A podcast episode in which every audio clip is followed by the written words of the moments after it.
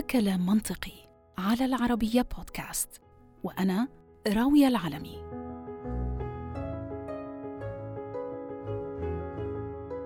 من فترة وبينما كنت بتصفح فيديوهات ال reel على منصة إنستغرام واللي أعتبر أنا من رواده الجدد نوعا ما استوقفني فيديو قصير للممثل الكوميدي ومقدم البرامج التلفزيوني الأمريكي ستيف هارفي.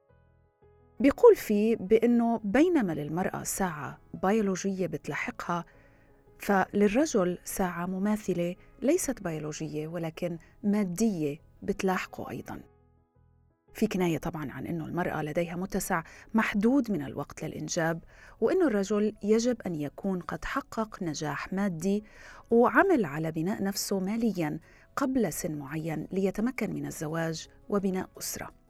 المقولة بحد ذاتها مش مفاجئة فما بيخفى على أحد أنه من المفضل للمرأة الإنجاب قبل سن الخامسة والثلاثين حيث بتقل فرصها في الحمل وبتزداد أيضا فرص إصابة الجنين بأمراض جينية وعيوب خلقية بعد هاي السن لكن اللي استوقفني هو السؤال الأكبر هل هناك من مخرج للمرأة من قيود الساعة البيولوجية هاي؟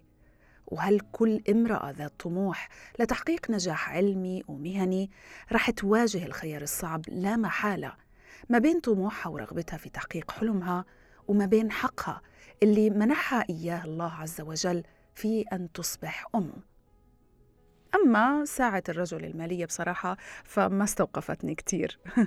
معلش عذر وتحيزي للمرأة هذا يمكن بعود إلى أنه في هذا الزمن اللي باتت فيه المرأة عاملة أصبحت قادرة أنها تتحمل حتى لو بعض المسؤولية المادية وبتقدر أنها تعين شريكها على تبطيء ساعته المالية. أما الرجل فما رح يقدر أنه يوقف الساعة البيولوجية للمرأة حتى إن أراد. لكن التقدم العلمي والطبي والتكنولوجي قد يستطيع فعل ذلك حقاً.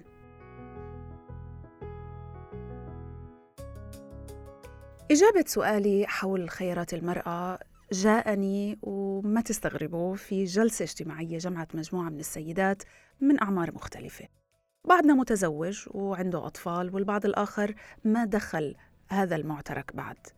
وإحنا عم نتجاذب أطراف الحديث بدأت إحدى الصديقات الحاضرات بالحديث عن يومها اللي أمضته في المستشفى. ولما سألناها جميعا بقلق عما أصابها وبماذا تشعر استطردت مبتسمة حول قرار اتخذته بتجميد بويضاتها وما مرت فيه من إجراءات حتى وصلت إلى يوم جمعتنا هاي وهو اليوم اللي أنهت فيه عملية التجميد وقامت بحفظ حقها في الأمومة زي ما وصفته. تفاجأت بصراحة. مش لأني ما كنت أعرف عن إمكانية تجميد البويضات فهذا الإجراء متداول وبتقبل عليه الكثير من النساء في الغرب ولكن اللي فاجأني هو إنه أصبح الآن متاح في عالمنا العربي وبتقبل عليه فتيات عربيات وعزبوات كمان.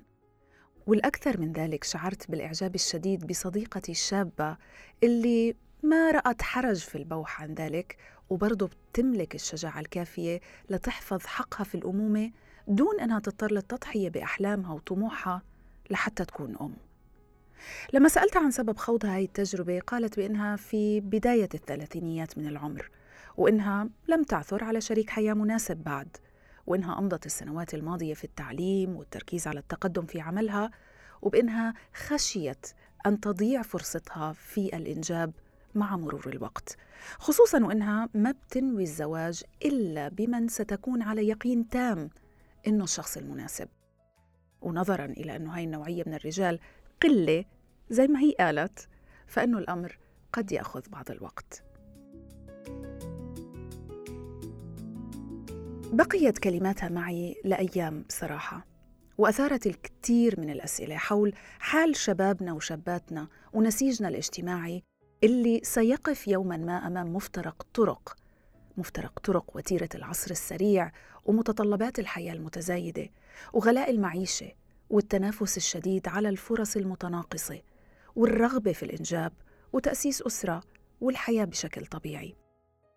ورغم أنه كل هاي موضوعات مهمة ممكن أنه نتحدث فيها مستقبلا في كلام منطقي إلا أني وكعادتي بدأت رحلة البحث عن موضوع تجميد البويضات كبوليصة تأمين مستقبلية والأهم من ذلك لماذا تلجأ إليها النساء لا سيما في عالمنا العربي.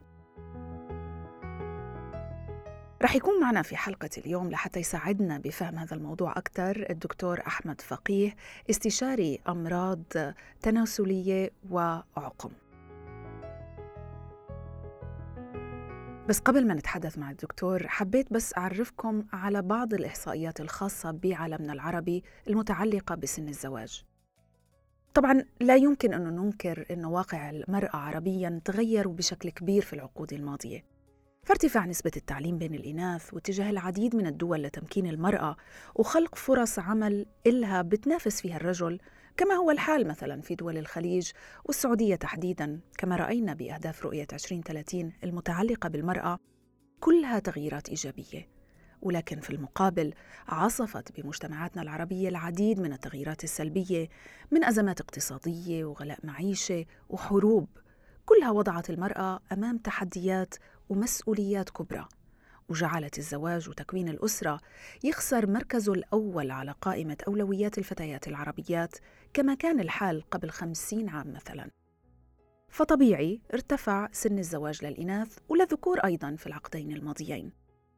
في الإمارات بتشير الإحصائيات إحصائيات محاكم الأحوال الشخصية في عام 2016 إنه سن الزواج اللي كان في المتوسط ما بين 18 إلى 24 سنة خلال فترة السبعينيات وحتى التسعينيات من القرن الماضي ارتفع في السنوات الأخيرة ل 25 إلى 29 سنة.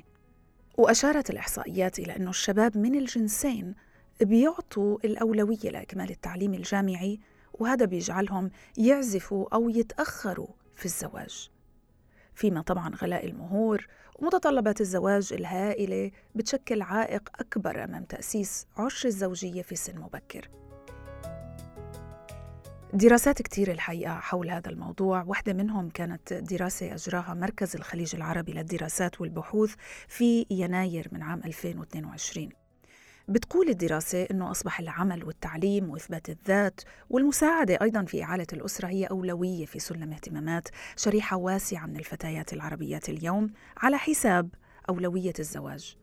ومع رصد تراجع تأثير الأسرة في تقرير مصير الفتاة تغيرت أولويات شريحة واسعة من الشابات العربيات في أغلب الدول العربية مقارنة بفترة التسعينيات مثلا. وهذا نتج عنه زيادة تسجيل تراجع حالات الزواج المبكر وارتفاع معدلات تأخر سن الزواج وهذا فاقم ظاهرة مقلقة وهي العنوسة وخاصة الاختيارية منها. الدراسة تحدثت أيضا عن رصد عوامل جديدة متصلة بتداعيات العولمة وآثار الثقافة الرقمية في اضطراب قناعات وخيارات الفتاة ورؤيتها أيضا للارتباط هاي الدراسة وجدت مثلا أنه اللبنانيات كانوا في المرتبة الأولى خلال الثماني سنوات الأخيرة في ترتيب أكثر العربيات تأخرا في سن الزواج وذلك بنسبة 85% من نسبة الإناث فوق سن ال 35 سنة. بعدهم بيجي التونسيات بارتفاع نسبة العنوسة في تونس إلى نحو 81% ما بين الإناث وتليها العراقيات بنسبة 70 ل 85% أعتقد وضحت الصورة.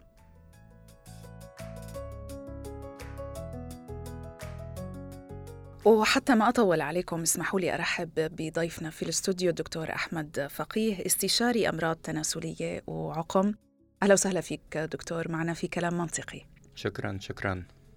دكتور قبل ما ندخل بالتفاصيل التقنية أه، لعملية تجميد البويضات حبيت بس هيك أسألك بعض الأسئلة شوي العامة. كان عندي فضول أعرف من إمتى بالعالم العربي وهذا الإجراء متوفر ومتاح للنساء؟ من فترة طويلة ولا نوعا ما جديد؟ هلأ نحن بالإمارات بالشهر واحد ب 2020 تغير القانون، كان سابقا بس المزوجين فيهم يخزنوا البويضات، ومن 2020 بشهر واحد غيروا القانون سمحوا للمش مجوزين يقدروا يجمدوا البويضات فمن وقتها لهلأ صار في اويرنس آه، كتير كبيرة وكتير وعي أكثر وعي وكتير عالم صاروا عم يلجأوا لهالعلاجات قد إيه في إقبال من النساء؟ خلينا نحكي على الإمارات وبعدين بعرفش إذا في عندك أي معلومات عن بقية العالم العربي بس خلينا نحكي هون بالإمارات مثلا. آه، قد إيه في إقبال من الفتيات اللي نوعا ما صغيرات في السن على هذا الإجراء؟ وقد إيه يعني الفئة العمرية اللي عادة بتفكر بهذا الموضوع؟ هلا قبل ال 2020 آه، ما كنا نشوف كتير آه، قبول لهيدا الموضوع. مم. بس بعد ما القانون تغير وسمح صار جزء كبير من ال من البيشنتس بيتفضلوا بيجوا بيعملوا العلاج. صار في قبول أكبر بكتير. هلأ قد إيه الرقم ما عنا إحصاءات بس بقدر أقول لك إنه جزء كتير كبير صار بيلجأ لهالعلاجات وبيتقبل هالشيء والأعمار عادة بتكون عادة بيكونوا عندك نوعين من الأعمار. عندك اللي صاروا فوق ال 35 سنة وبس عن جديد سمعوا عن العلاج أو سمعوا عن الثقنية وجايين يعني قربوا ال 40 سنة. وعندك جزء اللي تحت ال 35 سنة وحابب يحافظ على الخصوبة وعلى الأمومة و... وحق حقها في الأمومة. للفتاة 100% طيب جميل. خلينا بس هيك آه، أطلع المشاهدين على بعض آه، التفاصيل التقنية لهي العملية ونرجع نتابع الحديث دكتور. أوكي. طيب إذا اسمحوا لي أعزائي أشرح لكم بشكل مختصر مراحل عملية تجميد البويضات أو أوسيت cryopreservation كما تسمى بالأوساط الطبية. بداية هي طريقة لحفظ وتخزين الخصوبة بحيث بيتم استخراج البويضات من المبيض ومن ثم تجميدها وحفظها ليتم استخدامها بعد فترة من الزمن ممكن هاي الفترة تصل لعقود ويمكن اعتبارها أيضا جزء من علاجات العقم والخصوبة مثل الحقن المجهري أو أطفال الأنابيب بحيث تتقاطع العمليتين بكثير من المراحل. الراغبات في إجراء هاي العملية بتخضع لنوعين من الاختبارات. الأول بيتعلق بالأمراض المنقولة جنسياً وأمراض الدم والكبد الوراثية. أما الاختبار الثاني فهو تحليل لمخزون البويضات لحتى يقيسوا أعداد وجودة البويضات المتبقية لدى من تخضع لهذه العملية. وهذا العدد بيرتبط بهرمون الخصوبة أو ما يعرف بهرمون المضاد لمولر. التحليل لهذا الهرمون يجري عن طريق سحب عينة من الدم وكل ما زادت نسبة الهرمون كان هذا دليل على كثرة عدد وجودة البويضات في جسم المرأة. تستغرق هاي العملية مدة ما بتقل عن ثلاثة أسابيع بحسب ما ذكر موقع الخدمات الصحية الوطنية البريطانية. أما المرحلة الثانية من هاي العملية فبتحتوي على عدة خطوات. الخطوة الأولى هي إيقاف الدورة الشهرية الطبيعية لحتى يتمكن الأطباء من التحكم في عملية إفراز وإنضاج وجمع البويضات.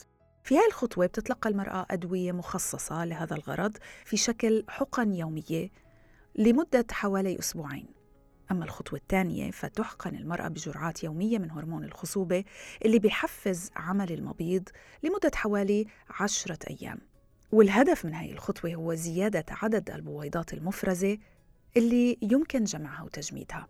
أما الخطوة الثالثة فهي طبعا متابعة تطور عملية إنتاج البويضات بحيث تخضع المرأة لعمليات مسح بالموجات فوق الصوتية ألتراساوند يعني لمتابعة المراحل المختلفة لنضج البويضة والوقت المناسب لجمعها.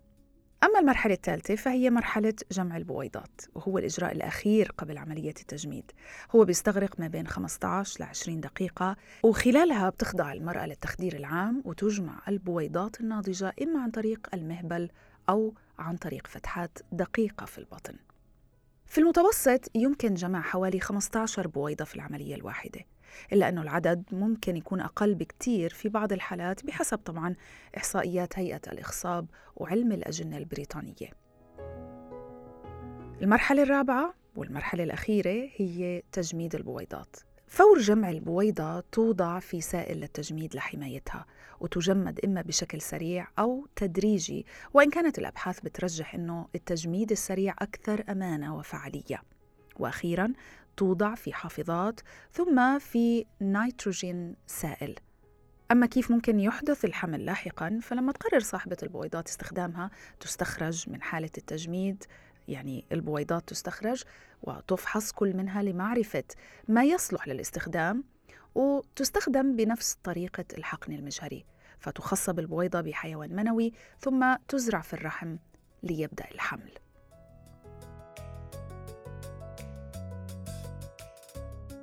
طيب دكتور أحمد واضح بأنه عملية تجميد البويضات مش عملية سهلة نوعا ما معقدة أو على الأقل بتاخد وقت وفيها مراحل متعددة. خلينا نبلش ب- بأول مرحلة. هل هو متاح لأي سيدة؟ شو شو الشروط اللي لازم تتوفر حتى تقدر أي فتاة أو أه، أو السيدة إنها تلجأ لهذا الإجراء؟ Alright. So هو العلاج آه، بياخد تقريبا 10 ل 12 يوم. من. لما بنبدأ لنخلص. أوكي. 95 بالوقت منبلش العلاج أثناء الدورة. نعمل سونار وبتحليل دم نتأكد إنه وظيفة المبيض بهيدا الشهر مناسب. ساعتها مننشط المبايض آه، مننشط المبايض عن طريق الإبر أو عن طريق الحبوب. هرمونات حسب- يعني. مزبوط حسب كل حالة. هول الهرمونات بناخدهم لفترة 8 أيام ل 10 أيام.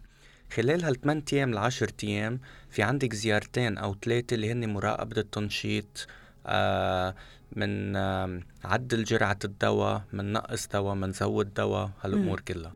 بس يجهزوا البويضات بس يجهزوا منعني آم، البويضات صاروا بحجم مناسب أو ناضجين. يعني صاروا جاهزين لنسحبهم لأنه مش كل البويضات كل شهر لما جسم المرأة بينتجهم بيكونوا آه، مزبوط. يعني قابلين لل- للتخصيب مزبوط وهن لازم هو التوقيت كتير مهم للسحب 'cause لازم يكونوا البويضات ناضجين. إذا سحبتيهم بكير بيكونوا غير ناضجين.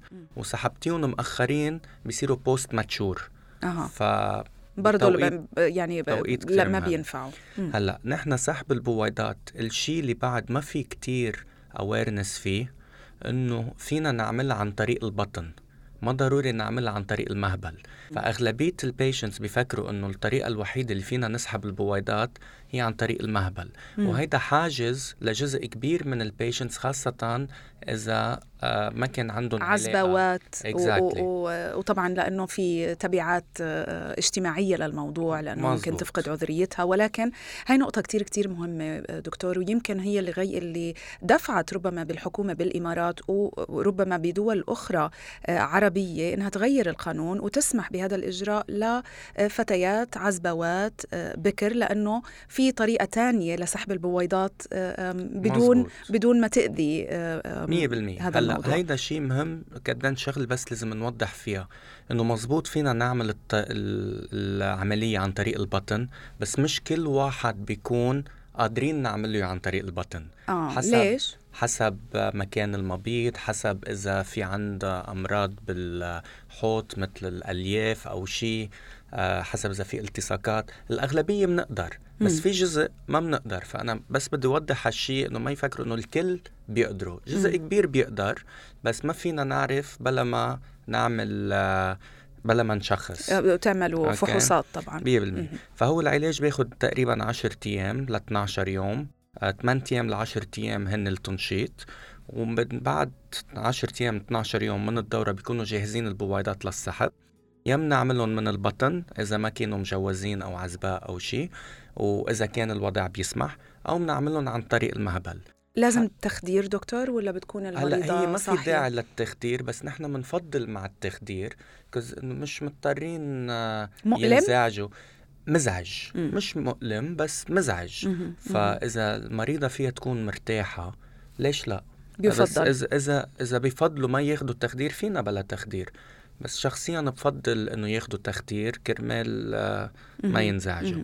هلأ شغلة تانية كمان لازم يعرفوها العزباء إنه حتى لو بدنا نعمل ال- العملية عن طريق المهبل 95% من الوقت فينا نعملها بلا ما نأذي البكرة غشاء البكارة غشاء نعم. البكرة مم. السبب هو إنه بس تكون آه المريضة مبنجة كل العضلات وكل شيء مرخيين مم. حتى البكرة بتكون مرخية يعني. بتقدري تعملي العملية بدون ما تأذيها مم. فإذا ما قدرت تعملها من البطن فينا نعملها من تحت بس مع نسبة كتير عالية إنه ما ينأذى غشاء البكرة. هذا معنى ذلك بأنه هذا بي- بيجعل هذا الإجراء متاح ل- للجميع لأي مزبوط. فتاة متزوجة غير متزوجة هو عبارة عن بوليصة تأمين للمحافظة على الأمومة مستقبلا طيب وصلنا للمرحلة النهائية تم سحب البويضات. بعد هيك شو بصير؟ كيف بيتم تجميدها؟ لأنه معروف بأنه بويضة آه، المرأة آه، هي ربما أكبر خلية موجودة في جسم الإنسان حجما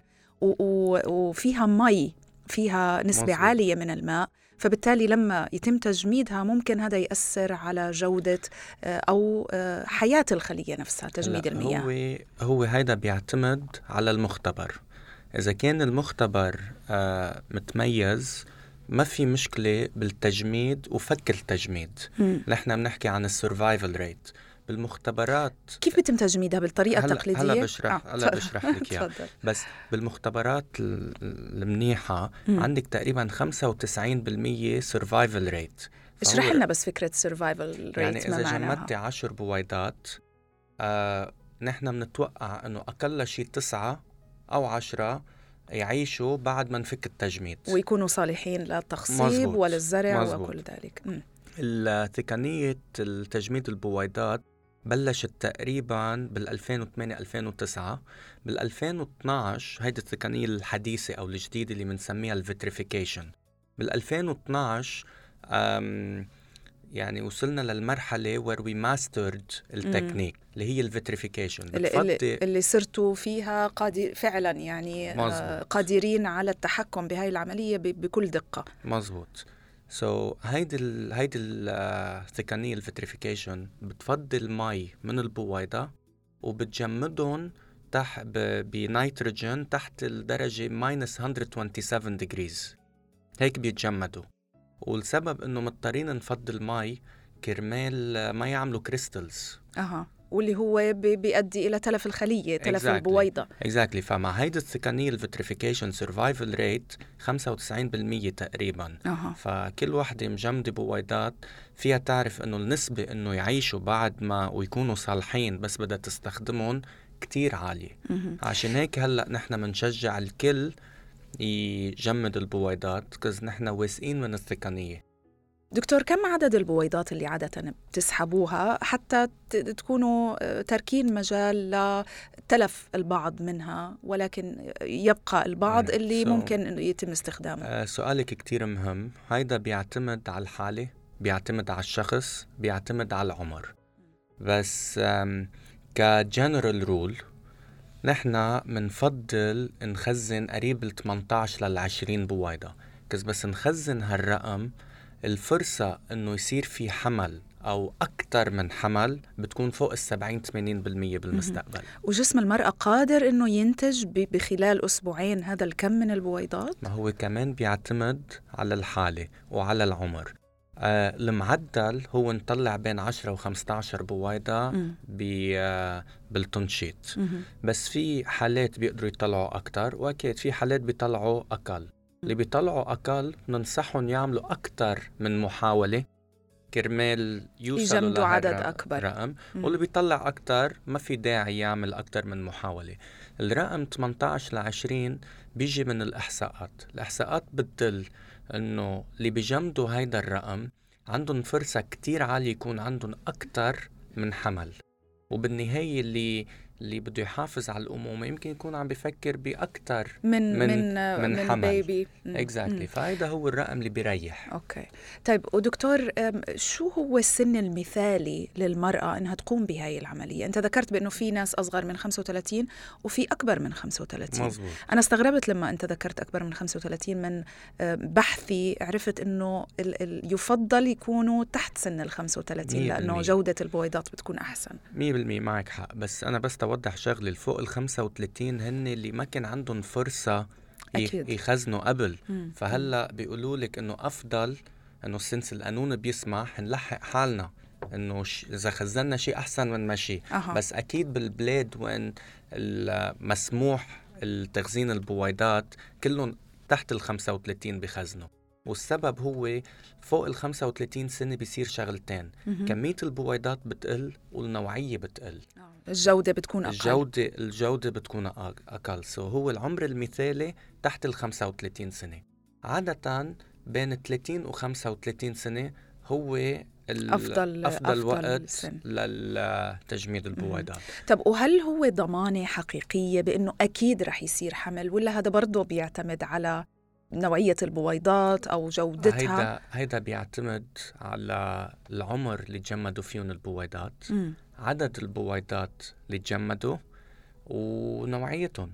يعني إذا أنا بقدر أعطيك إحصاءات ما بقدر أقول لك إذا مضمون ولا لا. مم. يعني إذا إجت لعندي بيشنت تحت ال 35 سنة وجمدت 30 بويضة عندها تقريبا 98% فرصة يكون عندها اتليست حمل واحد وعندها تقريبا 75% يكون عندها أكثر أكثر من حمل. من من حمل. بس هيدي جمدت 30 بويضة. مم. إذا إجاني مريضة على 40 سنة جمدت خمس بويضات. طبعا التشانس الفرص رح تكون أقل. الفرص حتكون أقل. مم. يعني إحنا بنحكي كبرسنتج ما فينا نضمن إنه يصير في حمل. بس اللي عمرها 40 سنة إذا ما خزنت بويضات وتجوزت على 47 أو 48 الفرص إنه تحمل بيصيروا كتير ضعيفة. بس إذا. جمدت بويضات على 40 حتى لو فرصها أقل من غيرها بس الفرص أفضل. أعلى بكتير من مم. لو جوزت مأخرة أو هذا إشي كتير مثير للاهتمام دكتور بأنه آه، فرص نجاح الحمل آه، آه، في حال تجميد البويضات بيعتمد على سن المرأة عند مزبوط. تجميد البويضات مزبوط. مش سن المرأة عند الحمل فيعني هذا بيقودني لسؤال آخر. هل جسم المرأة قادر أنه يحمل يحمل بغض بس بتكون البويضات أقل سنا منها هي آه، بسن الخمسين مثلا؟ مية بالمية. معقول؟ طالما البويض أنت بس المرة تصير مثلا 50 60 سنة الرحم بضله شغال. مم. هلأ مزبوط ما بيفرز هرمونات وما بتنزل الدورة بس الرحم بعده موجود.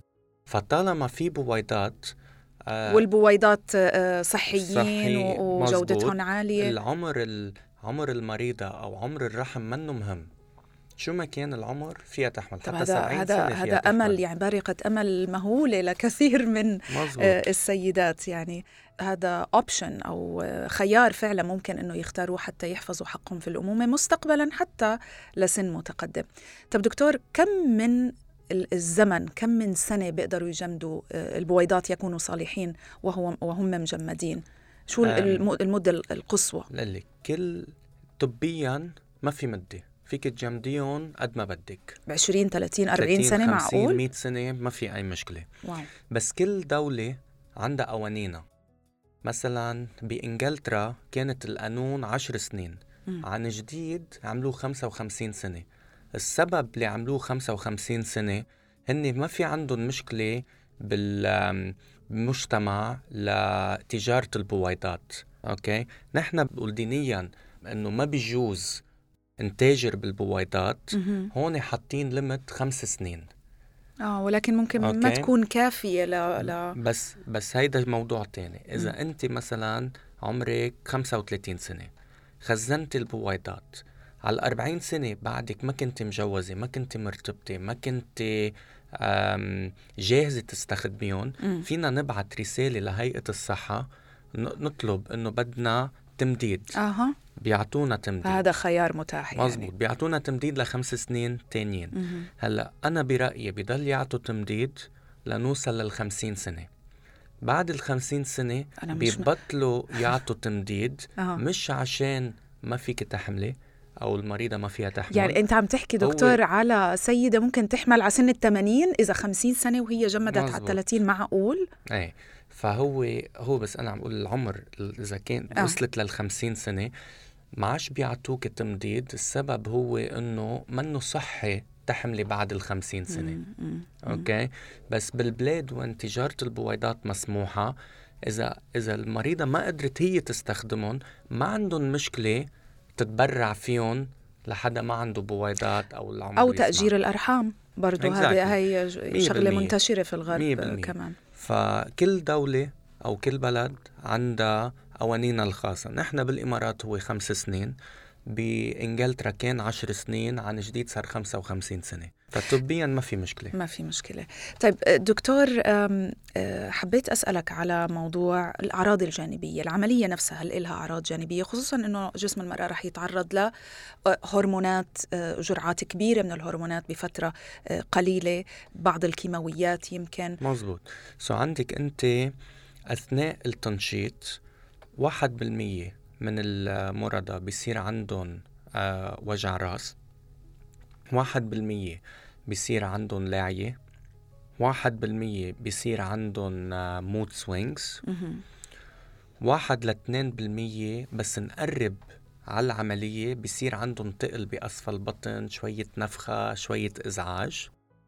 عملية السحب ال risk of complication كتير ضعيفة. بس إنه هن ال complications اللي معقول يصيروا هن واحد بالعشر تلاف يصير في نزيف أو يصير في مثل التهاب. آه، ولكن كلها حالات نادرة يعني نادرة جدا مم. مم. وإذا صارت منا خطرة وعلى نعرف المدى- نعالجها أوكي وعلى المدى البعيد هل ما هناك بيأثر أي نهائياً. أعراض؟ ما بيأثر آه، نهائيا بعد العملية لفترة يوم أو يومين بضلهم متضايقين شوي مأسفل البطن شوية نفخة وهيك بس. خلال أسبوع من العملية بيرجع كل شيء طبيعي. طب دكتور من واقع خبرتك وأكيد يعني أنت آه، عملت هذا الإجراء وعملية تجميد البويضات لعدد كبير من النساء، مين هن النساء اللي عادة بيقبلوا عليه؟ هل فقط بيكون الدافع إنه ما مش ملاقية شريك حياة أو بدها تركز على مهنتها أو على تعليمها ومأجلة فكرة الزواج والارتباط لبعدين؟ ليكي عنا آه كتير كاتيجوريز. كتير فئات عندك اللي عم بتقرب على ال 35 سنة وما في شريك يعني آه بعد ما في حدا أو ما في آه شخص جدي بالحياة so هول بيلجأوا عندك اللي عندهم شريك بس شغلهم عم عم بيتطور بسرعة كتير و وما بدهم يروحوا آه فرص التقدم. أو التقدم مم. بالشغل عندك آه group يعني للأسف بيكون آه تشخصوا بمرض بده علاج مثل السرطان مثلا مثل كنت عم السرطان ب- بده علاج يعني والعلاج بيقضي أو بيأثر على الخصوبة فبيجمدوا البويضات قبل ما ياخدوا العلاج مم.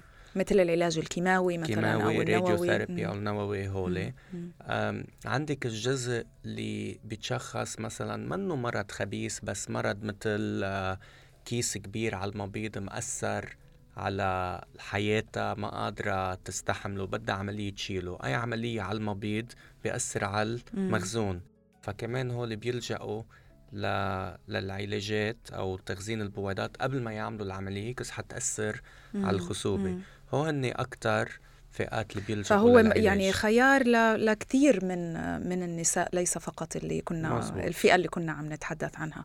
طيب سؤال آخر دكتور قبل ما ننهي آه، قد إيه صار في وعي بالدرجة الأولى عند فتياتنا حرية اختيار كمان وشجاعة للإقدام على مثل هذا الإجراء والحديث عنه كمان لأنه أنا بلشت حلقة البودكاست بحكي قصة صديقة آه، فاجأتني الحقيقة صبية آه، صغيرة في العمر قررت أنه تعمل هذا الإجراء وما كان عندها أي حرج تحكي عن الموضوع هل وصلنا لهي المرحلة من الوعي والشجاعة عند فتياتنا؟ شوفي الموضوع منه هالقد سهل. يعني عندك أنت توعية كتير كبيرة وعم بتزيد كل يوم كل يوم بس قديه مرتاحين يحكوا عن الموضوع بيختلف؟ في ناس ما عندها مشكلة تخبر وتشجع غيرها إنه هيدا آه، لازم تعملوه هيدا بيفيد آه، بيحافظ على الخصوبة وأنا عملته خدو خدوني كمثل. بس عندك جزء بيستحي يتكلم بهيدا الموضوع بيكوز بيربطوا هيدا الموضوع بإذا وحدة عملته للعملية مثلا. منا عزباء أو منا شيء. وهو شيء حكينا عنه إنه مش بالضرورة ابدا مزبوط. وفي طرق تانية مية يعني بالمية. فينا نسحب عن البطن أو فينا حتى لو عملناها من تحت ما نأذي غشاء البقرة بس هيدا الموضوع بي بيعمل لهم مثل قلق. بيخافوا يحكوا عنه. بيخافوا يعترفوا إنه عملوا هالشي. آه بيكوز لأنه ممكن ممكن يكون في سوء فهم مية بالمية و- وأحكام مسبقة يعني عن الموضوع بس ما هو هيدا العلاج أنسب شيء ل- لصغار بالسن أو العزباء اللي صغار بالسن. مهم. يعني يعني بتمنى إنه إحنا ساهمنا بنشر الوعي حول هذا الإجراء وحول الفرص اللي أصبحت الآن متاحة للفتيات بحيث إنهم بطلوا أمام آه، خيار آه، لازم يختاروا ما بين آه، أحلامهم وتعليمهم ومهنتهم وما بين حقهم الطبيعي اللي ربنا سبحانه وتعالى أعطاهم إياه اللي هو إنهم يكونوا أم في يوم من الأيام. بشكرك جزيل الشكر دكتور أحمد فقيه على كل هاي المعلومات الثرية وإن شاء الله أكيد رح يكون في لنا لقاءات في المستقبل. شكرا لك شكرا. في ختام حلقتنا بحب أشير أعزائي إلى أنه رغم أنه العلم والتقدم الطبي قطع أشواط هائلة في إيجاد حلول لمعضلات طبية كان حلها حتى وقت قريب يعتبر ضربا من الخيال. إلا أنه ضمان نجاح هاي الحلول يبقى مستحيل إلا بإرادة الله عز وجل. لكن لولا الحاجة والمثابرة والبحث لما اخترعت الأمم. ولما تمكنا أيضا إحنا من تحويل أمراض كانت مستعصية وتودي بحياة آلاف الناس لما تمكنا من تحويلها لحالات مرضية بتعايش مع الإنسان بكل سهولة مثل مرض السكري باختراع الأنسولين مثلا. وكل حل جديد يهتدي إليه العلم يحمل تحديات في بداياته وربما أبرزها في حالة تجميد البويضات هي التكلفة اللي بتتراوح ما بين 10 ل 20 ألف دولار أمريكي. لكن كثير من النساء بيشوفوه ثمن بخس مقارنة ببسمة لطفل قد لا يرى النور لولا بارقة الأمل هذه. وكثير من النساء أيضا بيشوفوه رهان رابح يستدعي إنفاق كل ما يملكن كي تستمر سنة الحياة. هذا كلام منطقي على العربية بودكاست. وأنا راوية العلمي. أشكركم. ودمتم دائما بأمان بإذن الله.